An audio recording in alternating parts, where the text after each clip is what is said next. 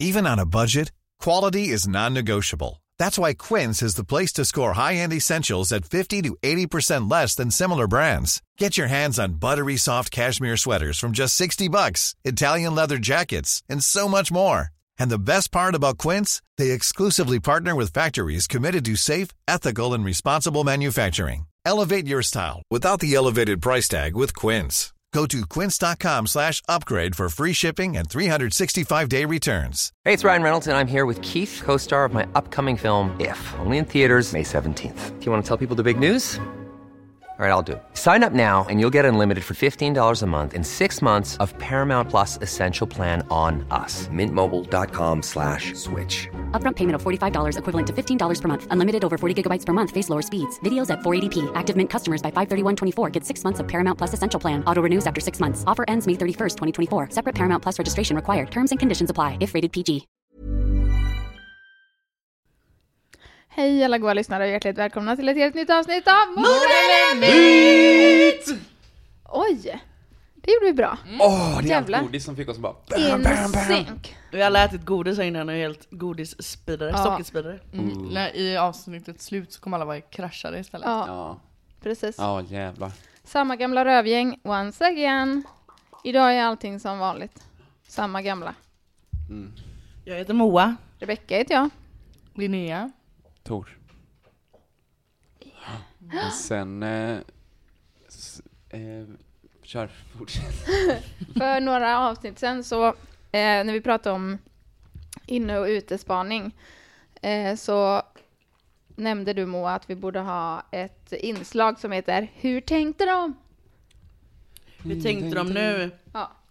Det var apropå att vi pratade om de nya spårvagnarna där det finns en sittplats där Linnea ska ha sin bokklubb. Nej, Det är på bussarna. Ja, på bussen va? Just det, sorry. Mm. Eh, att bussar och spårvagnar är designade som för att man ska umgås typ. Hur tänkte de nu? Ja. Hur tänkte de sen? Hur Nu? tänkte de nu? Men hur tänkte de nu? Nu kanske de har tankar som bara, "Åh, varför gjorde vi så? Ja, just det, det är det de tänker nu. Ja. Ah, Är det det som leken går ut på? Först ska- presenterar man sig någonting, Och gissa och sen hur så tänker man, hur tänker de nu i efterhand när de såg hur dåligt det blev? Precis. Vi har alltså tagit fram varsin grej, eller eventuellt kan det komma fler. Jag kan börja. Ja, Mm. Linnea. Inga problem. Creds till Moa för den här grejen, för jag kom inte på någonting själv. Vänta lite. du redan börjat tänka. Det finns en, en förening liksom, eller en grupp som eh, jag gissar typ ute och föreläser och annat. Som är en grupp män som är mot sexuellt våld då och jobbar för att eh, sätta stopp för det. Men deras slogan är I'm all in.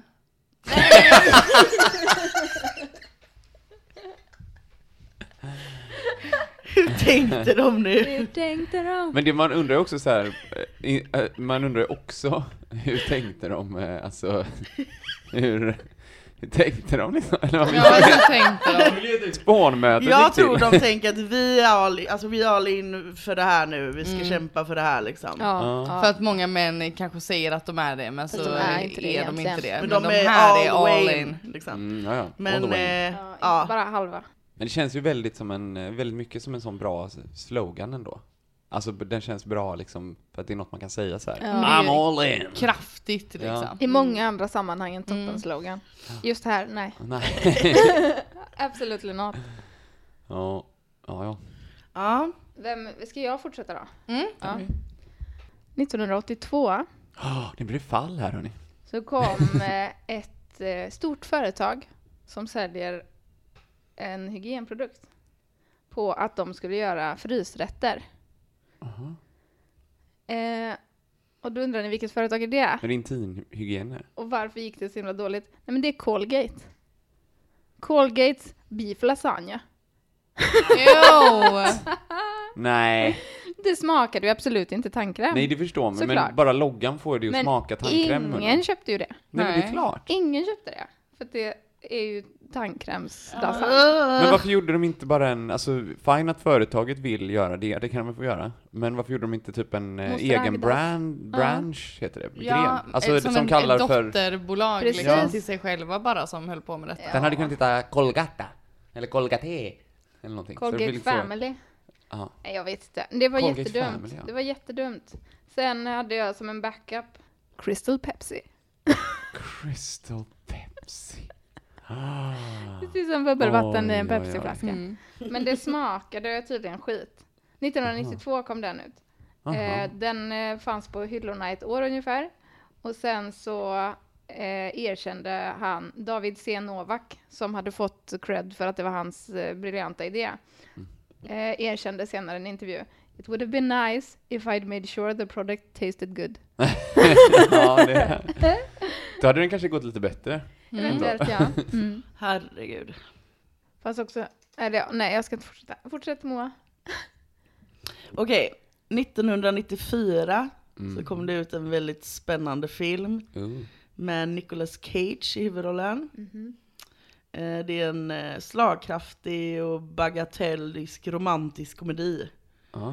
Och den här filmen heter It could happen to you. Jag vet inte om någon har sett den? Nej. It could happen Nej. to you. Jag tror inte. Och översätt, den svenska översättningen på den här filmen då Måste det varit någon som var jävligt trött på sitt jobb som har skrivit? För att den har översatt filmtiteln, eller den har liksom inte gjort den direkt eh, den har inte översatt den utan den har istället döpt den till liksom en sammanfattning om hur, vad den handlar om. Så den svenska filmen heter Polis ger servitris två miljoner i dricks. Det går man ju inte. Det är så jävla idiotiskt. Och så heter ju filmen It could happen to you, så det är väl antagligen det som händer då i filmen ja. liksom. Så det är så, här, ja då, då vet man redan vad som, vad som händer. Men då behöver man inte skriva en handling. Nej. Alltså på baksidan av oh, jag VHSen blir liksom. svettig, det är så jävla Det är så dumt. idiotiskt alltså. Jättedumt. Så här, Tor, jag tänkte vi kan se den här filmen ikväll, den här eh, Polis ger servitris två miljoner i dricks. Vad handlar Det den om låter då? spännande. Det handlar om en polis. Som är en servitris 2 2000 i dricks. Nej, två miljoner faktiskt. Hur tänkte de där? Ja, jag ska, ehm, min, jag har ju inte gjort lika roligt som ni. Men, eh, Det gör inget. eller jag tänkte jag tar två grejer. En har jag redan tjatat om jättemycket nu de senaste dagarna. Men jag tänkte berätta,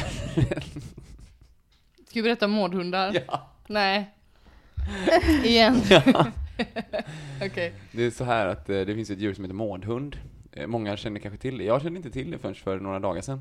Eh, eh, och eh, Du har det nu blivit besatt av det verkar det som. ja men de är så Mm. fina djur va. Är inte de invasiv art? Det är det jag ska komma till. Ja, nej förlåt. Att Förstörde de är, eh, de är nämligen, eh, deras eh, liksom original habitats är i eh, östra Asien. Men där har de blivit så jävla jagade Mhm. för päls och sånt så att de håller på att utrotas nästan. Och då har de väl bytt territorier då. Så att de tar sig åt öster, så nu finns de i östra Europa och De har Finland. packat en liten väska och så har de ja, emigrerat. nu vi en sån pinne med en liten... eh, Ja, precis. så går de så en liten eh, hög med mårdhundar. så. Ja. Men och här då, så får man lov, här räknas de ju då som invasiv art.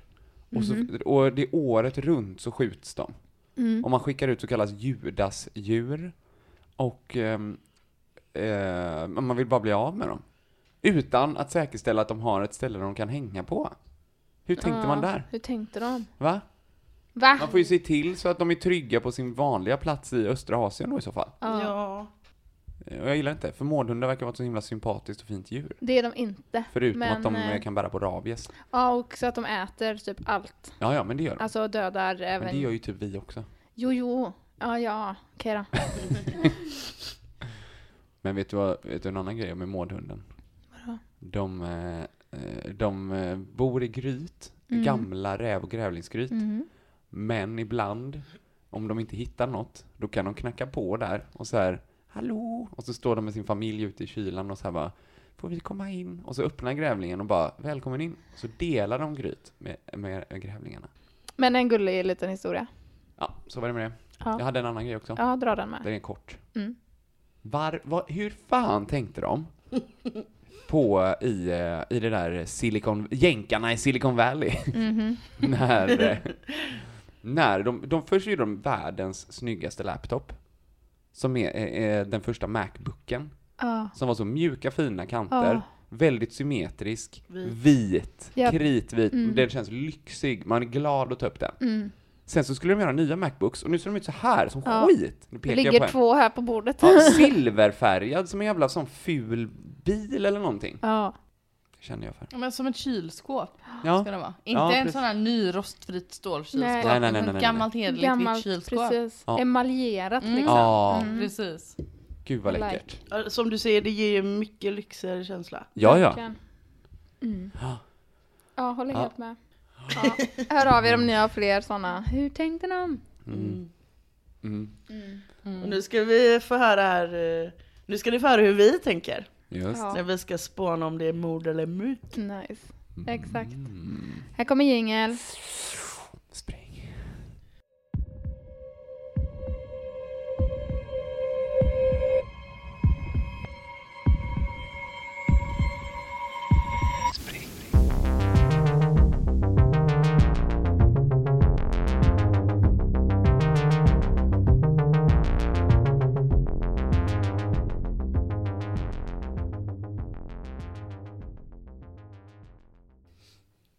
Året är 1892.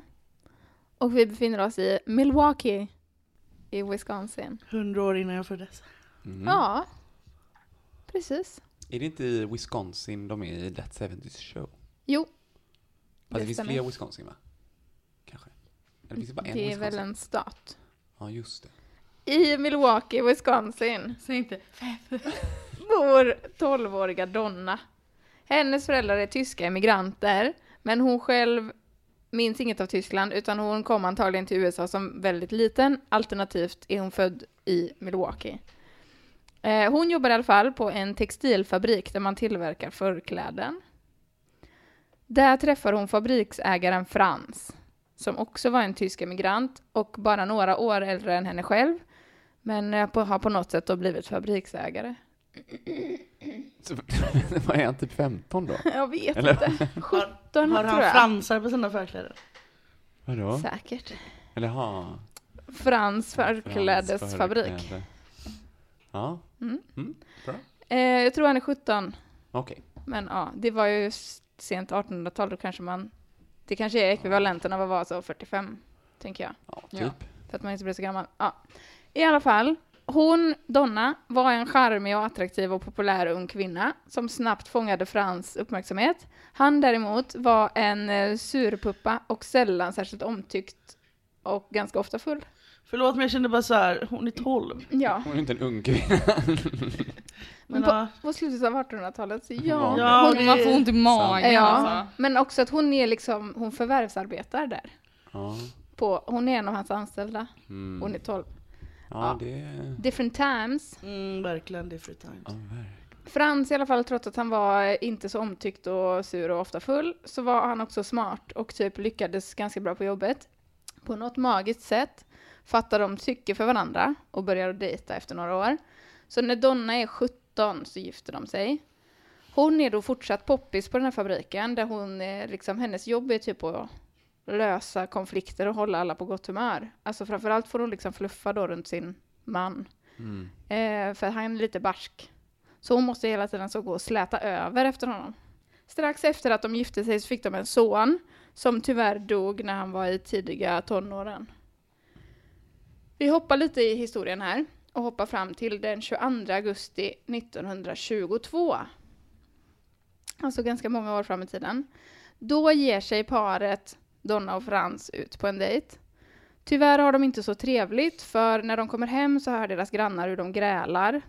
De går in till sig, stänger dörren och strax därefter hör grannarna pistolskott. De tillkallar då polisen och när polisen kommer till parets hem och söker igenom huset så hittar de Frans på golvet. Han har blivit skjuten tre gånger och är avliden. Det tar lite längre tid för polisen att hitta Donna, men hon lever. Och polisen hittar då henne inlåst i en garderob i sitt sovrum. Och nyckeln till garderoben lig- ligger liksom slängd på golvet. Polisen tar då in Donna för förhör. Och hon berättar att de kom hem från sin dejt och, hon, och de upptäckte då att det var någon i deras hus, en inbrottstjuv. Tjuven och Frans började då brottas och tre skott gick av och Frans föll ihop på golvet. Sen tog tjuven Donna med sig till sovrummet där han låste in henne i garderoben.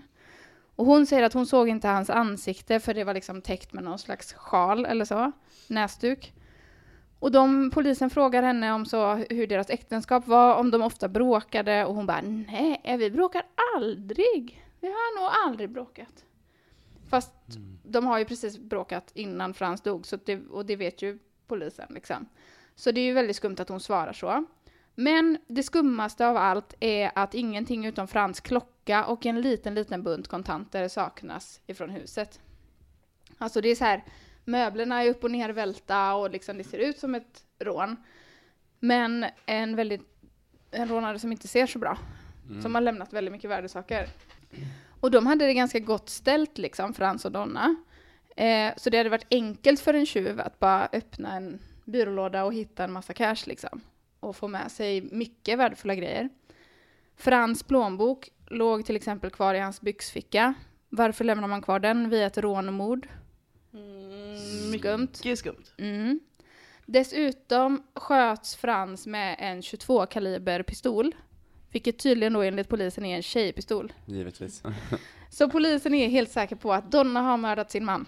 Mm. Men de har inga bevis.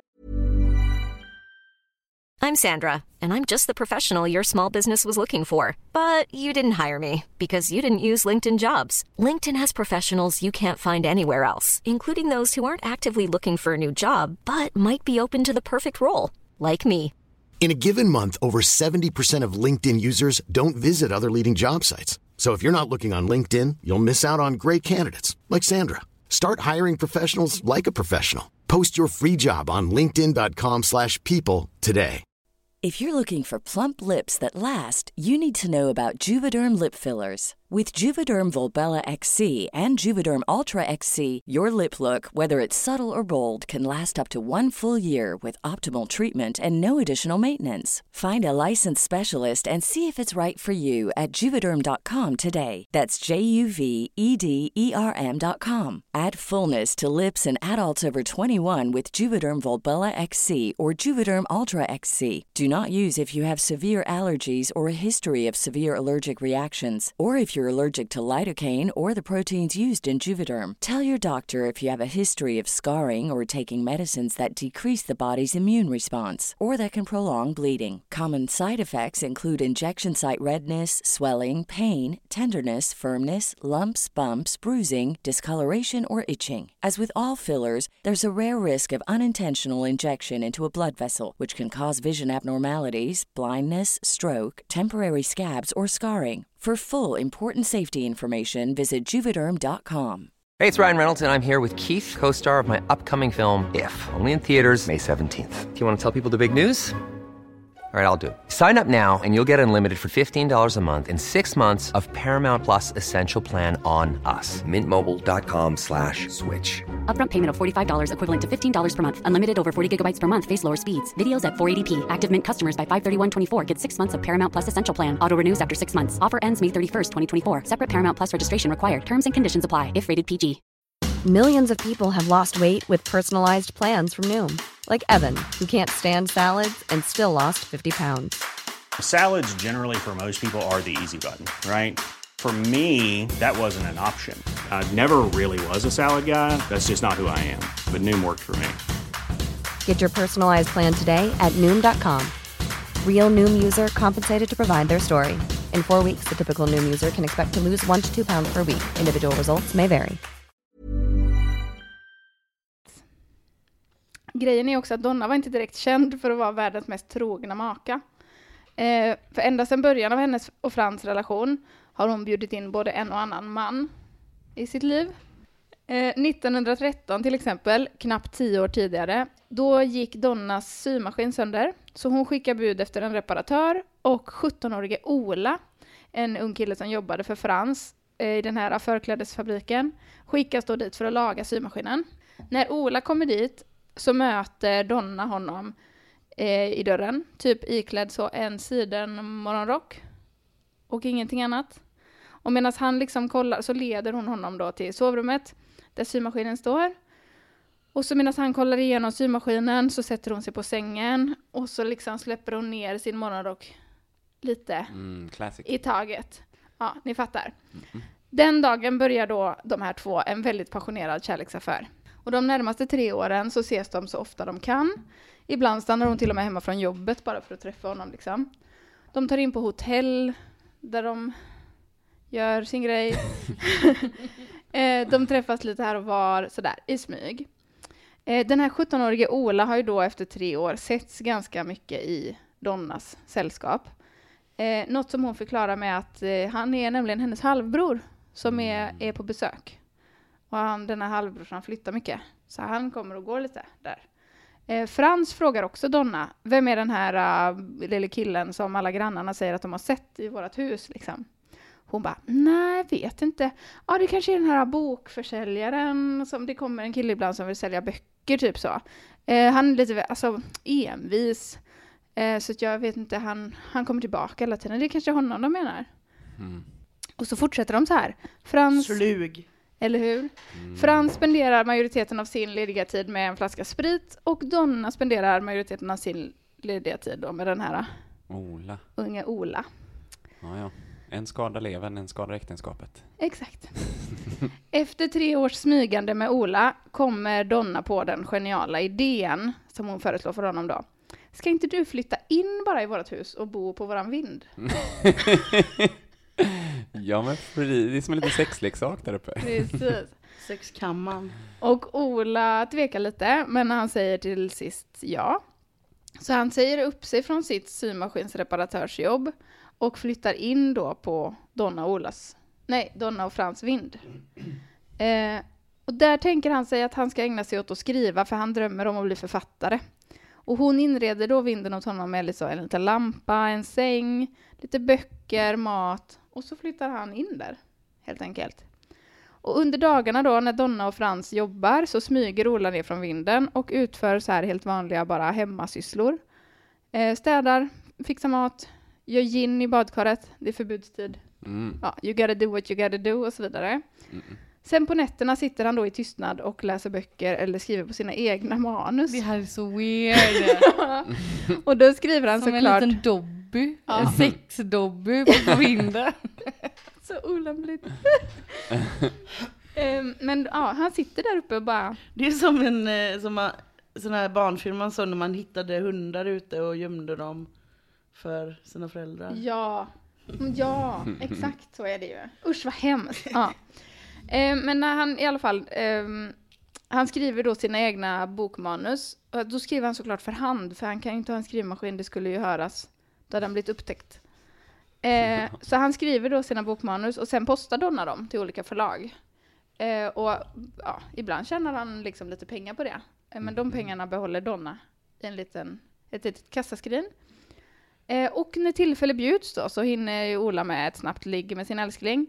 Ibland är det inte bara ett snabbt ligg utan upp till åtta per dag. Oj. Ja, det, ja han har att Shit. göra ändå. Ja.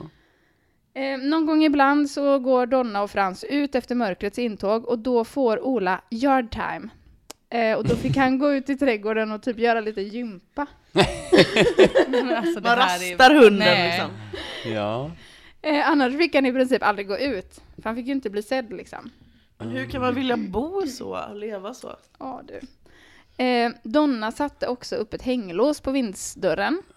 Och när Frans frågar henne varför så säger hon att ja men ingen, jag vill inte att någon ska kunna liksom bryta sig in och stjäla mina, alla mina dyra pälsar som jag har där uppe. Eh, och för hon har en ganska stor, stor samling med dyra pälsar. Och Frans bara, okej älskling. Eh, ibland kunde också Frans påpeka att han tyckte att resterna från gårdagens middag såg lite väl skrala ut.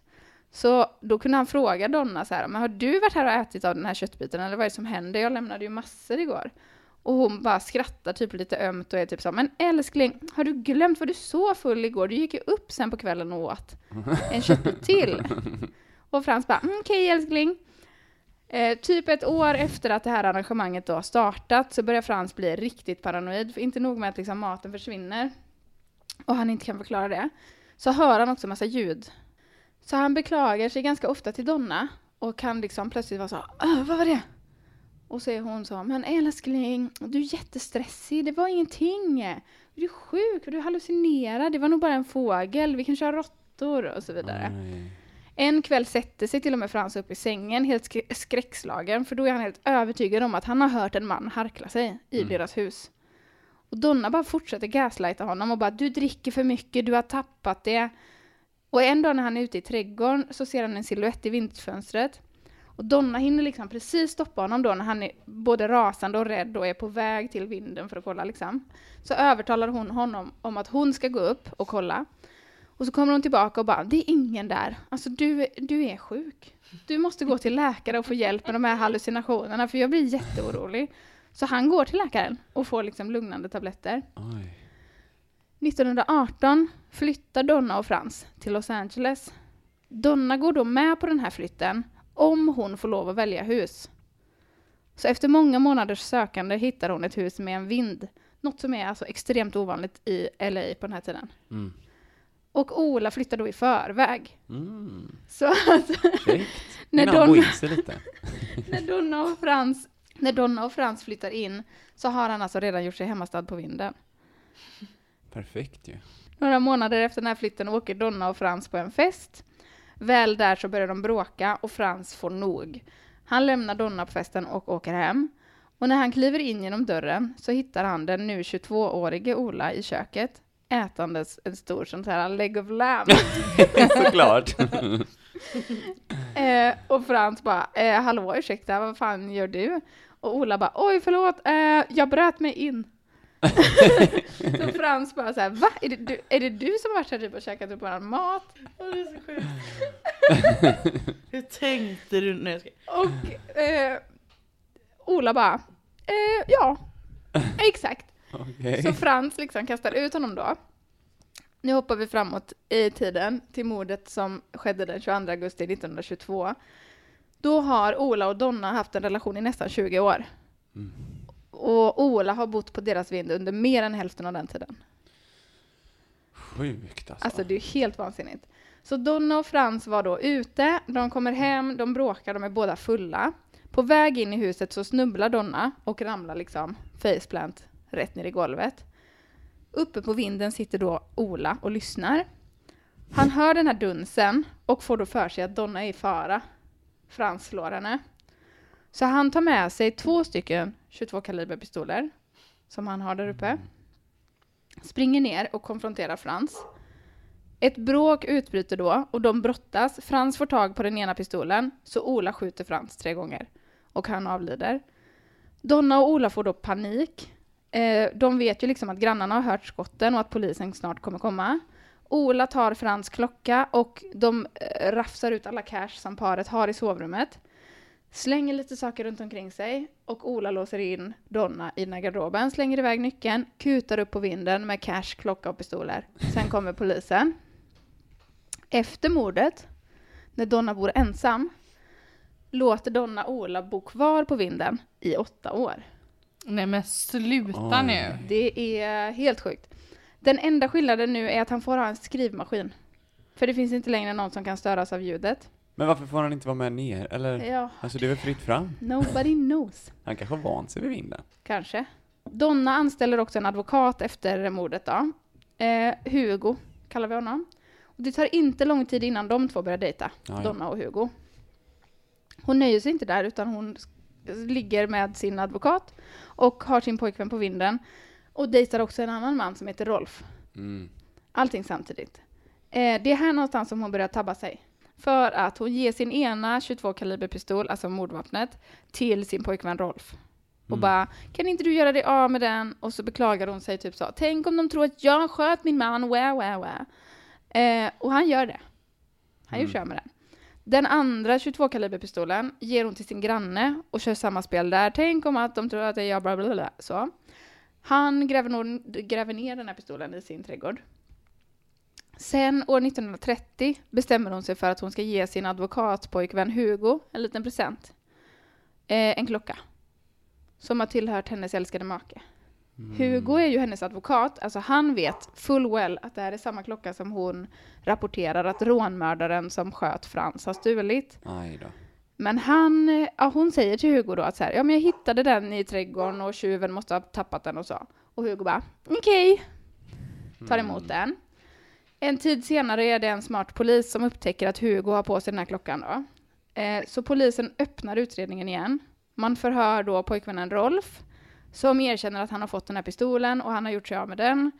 Han berättar också att Donna har gett en pistol till grannen och att grannen har begravt den under sin rosenbuske i trädgården. Så letar de där, hittar en pistol.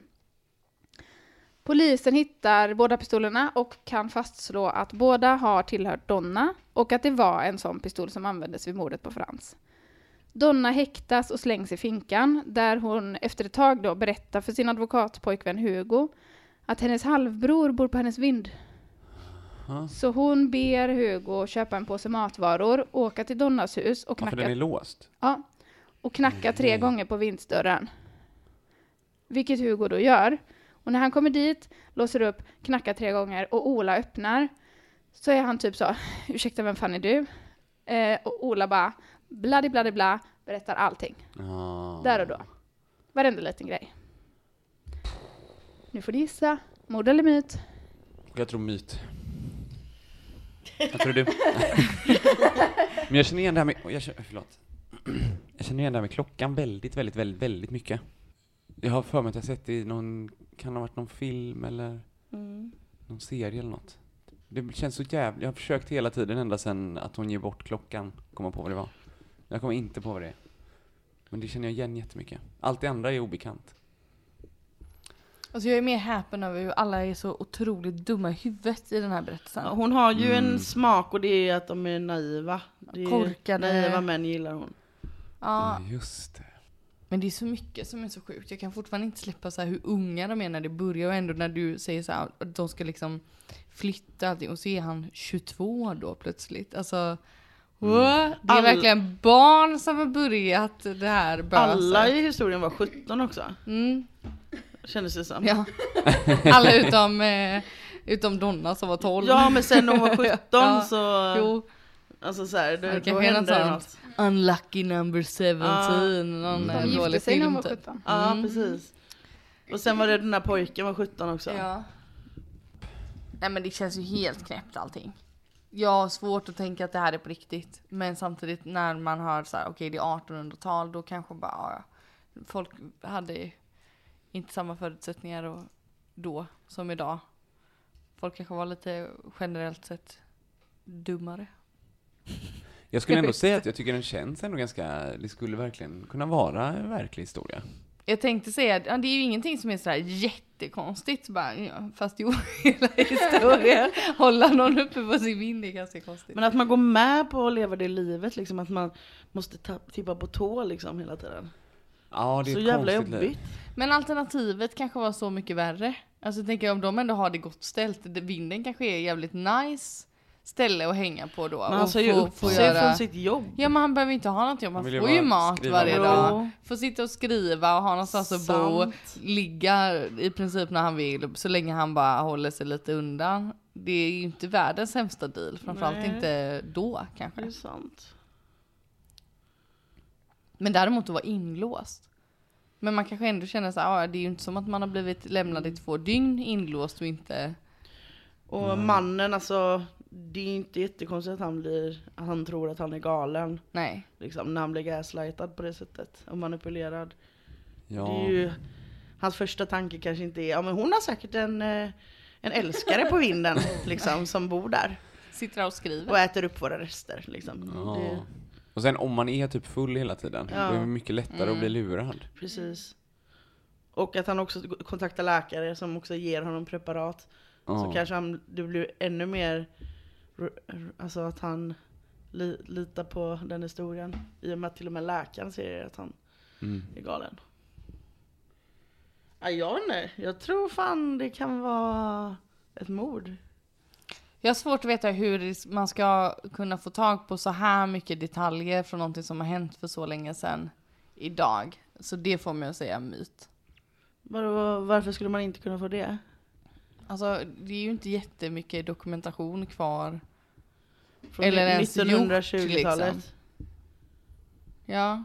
Eller Och framförallt- 1930? Och, och att jag börjat liksom 1892 redan och jag menar polisarbete på den tiden kan ju, alltså det är ju inte det bästa har man hört. Det är mycket så bara, ja vi, vi säger att du är skyldig eller ja vi såg den eller nej vi Men kan han inte göra berättar ju någonting. allt. Jo jo, men Ola berättar ju allt och då, vilket årtal var det? Ehm, typ 1931 kanske? Så det är ändå liksom, okej då. Jag tror ändå det var ganska det är ändå civiliserat. 30-tal eh, Ja, liksom. jo det är sant. Ja men jag får ändå, jag har ändå en mytkänsla för att det är så detaljrikt. Mm. Att det är därför det kan vara en bok eller någonting istället. Ja, jag tycker också verkligen det känns som en, eh, en, en fiktiv berättelse. Alltså det känns ju som man borde ha hört det om det hade hänt på riktigt. Men det är så är det ju med mycket jag upplever och sen bara va? Det hade ingen. Förra veckan hängde vi ju inte med, eller visste vi ju inte om kannibalkocken i Tyskland liksom. Och det var ju bara 30 år sedan. Eller så att Mm. Mm. allting har man ju inte hört om. Jag tänker, jag tänker se mord i, denna gången igen. Mm. Två myt och ett mord. Ja. Det här har hänt på riktigt. Nej, Oj, vad sjukt. Du hade rätt igen Moa. Mm. shit alltså. Eh, hon som jag kallar för Donna, hon hette Valburga Dolly Oesterreich. Österreich. Ja, Österreich. Ah. Hon var gift med Frans, som egentligen hette Fred William Österreich. Och eh, Ola hette Otto Sandhuber. Sen dejtar hon ju också eh, advokatpojkvännen Hugo Herman Shapiro. Mm. Och Rolf Roy Klump. Klamp. Alltså nej, bara de, namnen, namnen Ja. låter ju påhittade. Ja, Låter som en film. Ehm, Ja. Nej men eh, sen det som hände sen då, om vi Mm. bara fortsätter historien. Gärna. Det är ju att eh, tidningarna blir helt galna när de får reda på den här historien om eh, pojken på vinden. Det är klart. Eh, och Ola, Otto, omskrivs som The Batman, Mm. Vad var det han förra hette? Spiderman? Spiderman of Detroit, eller Ah. Denver, eller något. Mm. Denver, ja. Sen döms Otto, eller Ola, för um, manslaughter. Jag skulle googla. Dråp. dråp. Eh, han, blir fri, han går fri ganska kort därefter för att typ preskriptionstiden för mordet gick ut. Mhm. Eh, så det spelade liksom ingen roll att han var dömd utan då var det bara så. Nu har det gått för lång tid, tack och hej, ha det gött. Sen bytte han namn till Wal- Walter Klein och flyttade till Kanada, gifte sig och levde typ resten av sitt liv så väldigt anonymt. i en källare. Eventuellt. De köpte en vindsvåning. Precis. Eh, grejen med honom var att så här, han, visste inte, han visste ingenting om eh, sitt liv. Han var föräldralös.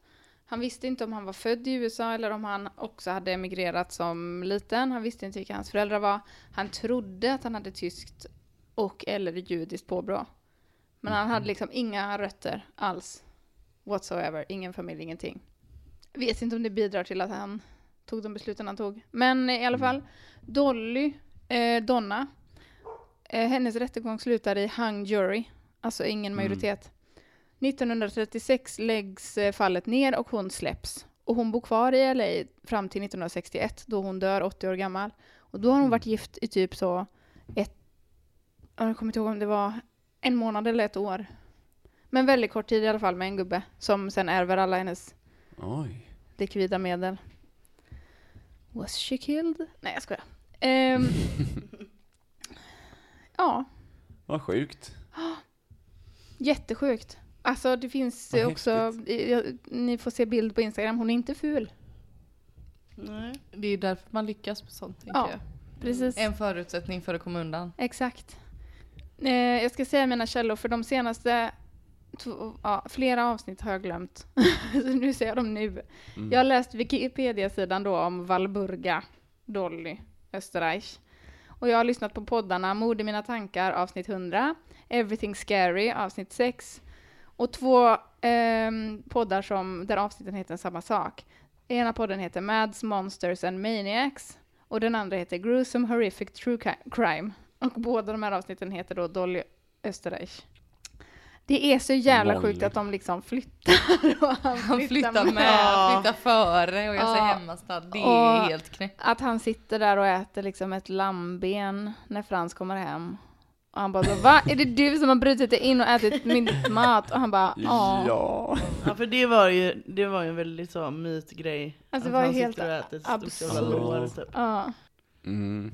Och det sjukaste av allt är ju att polisen som hittar Frans och Dolly inte kollar vinden. Mm, det är också Mm. väldigt För han konstigt. sitter ju där uppe liksom. Mm. Ja, nej men det är så mycket sjukt i den här storyn va? Ja, vansinnigt. Åh, Kanske får Helt knäppt. döpa det här avsnittet till Frans och förklädesfabriken. Ja, det ja, tror jag. givet. Det tycker jag. Eller till eh, polis ger servitris två miljoner miljoner, i dricks. i dricks. Har vi något avslutande ord idag då? Puss på min kind. Stäng inte in mig på en vind. Ja. Tack och hej, puss och kram. Hej då. Hej då.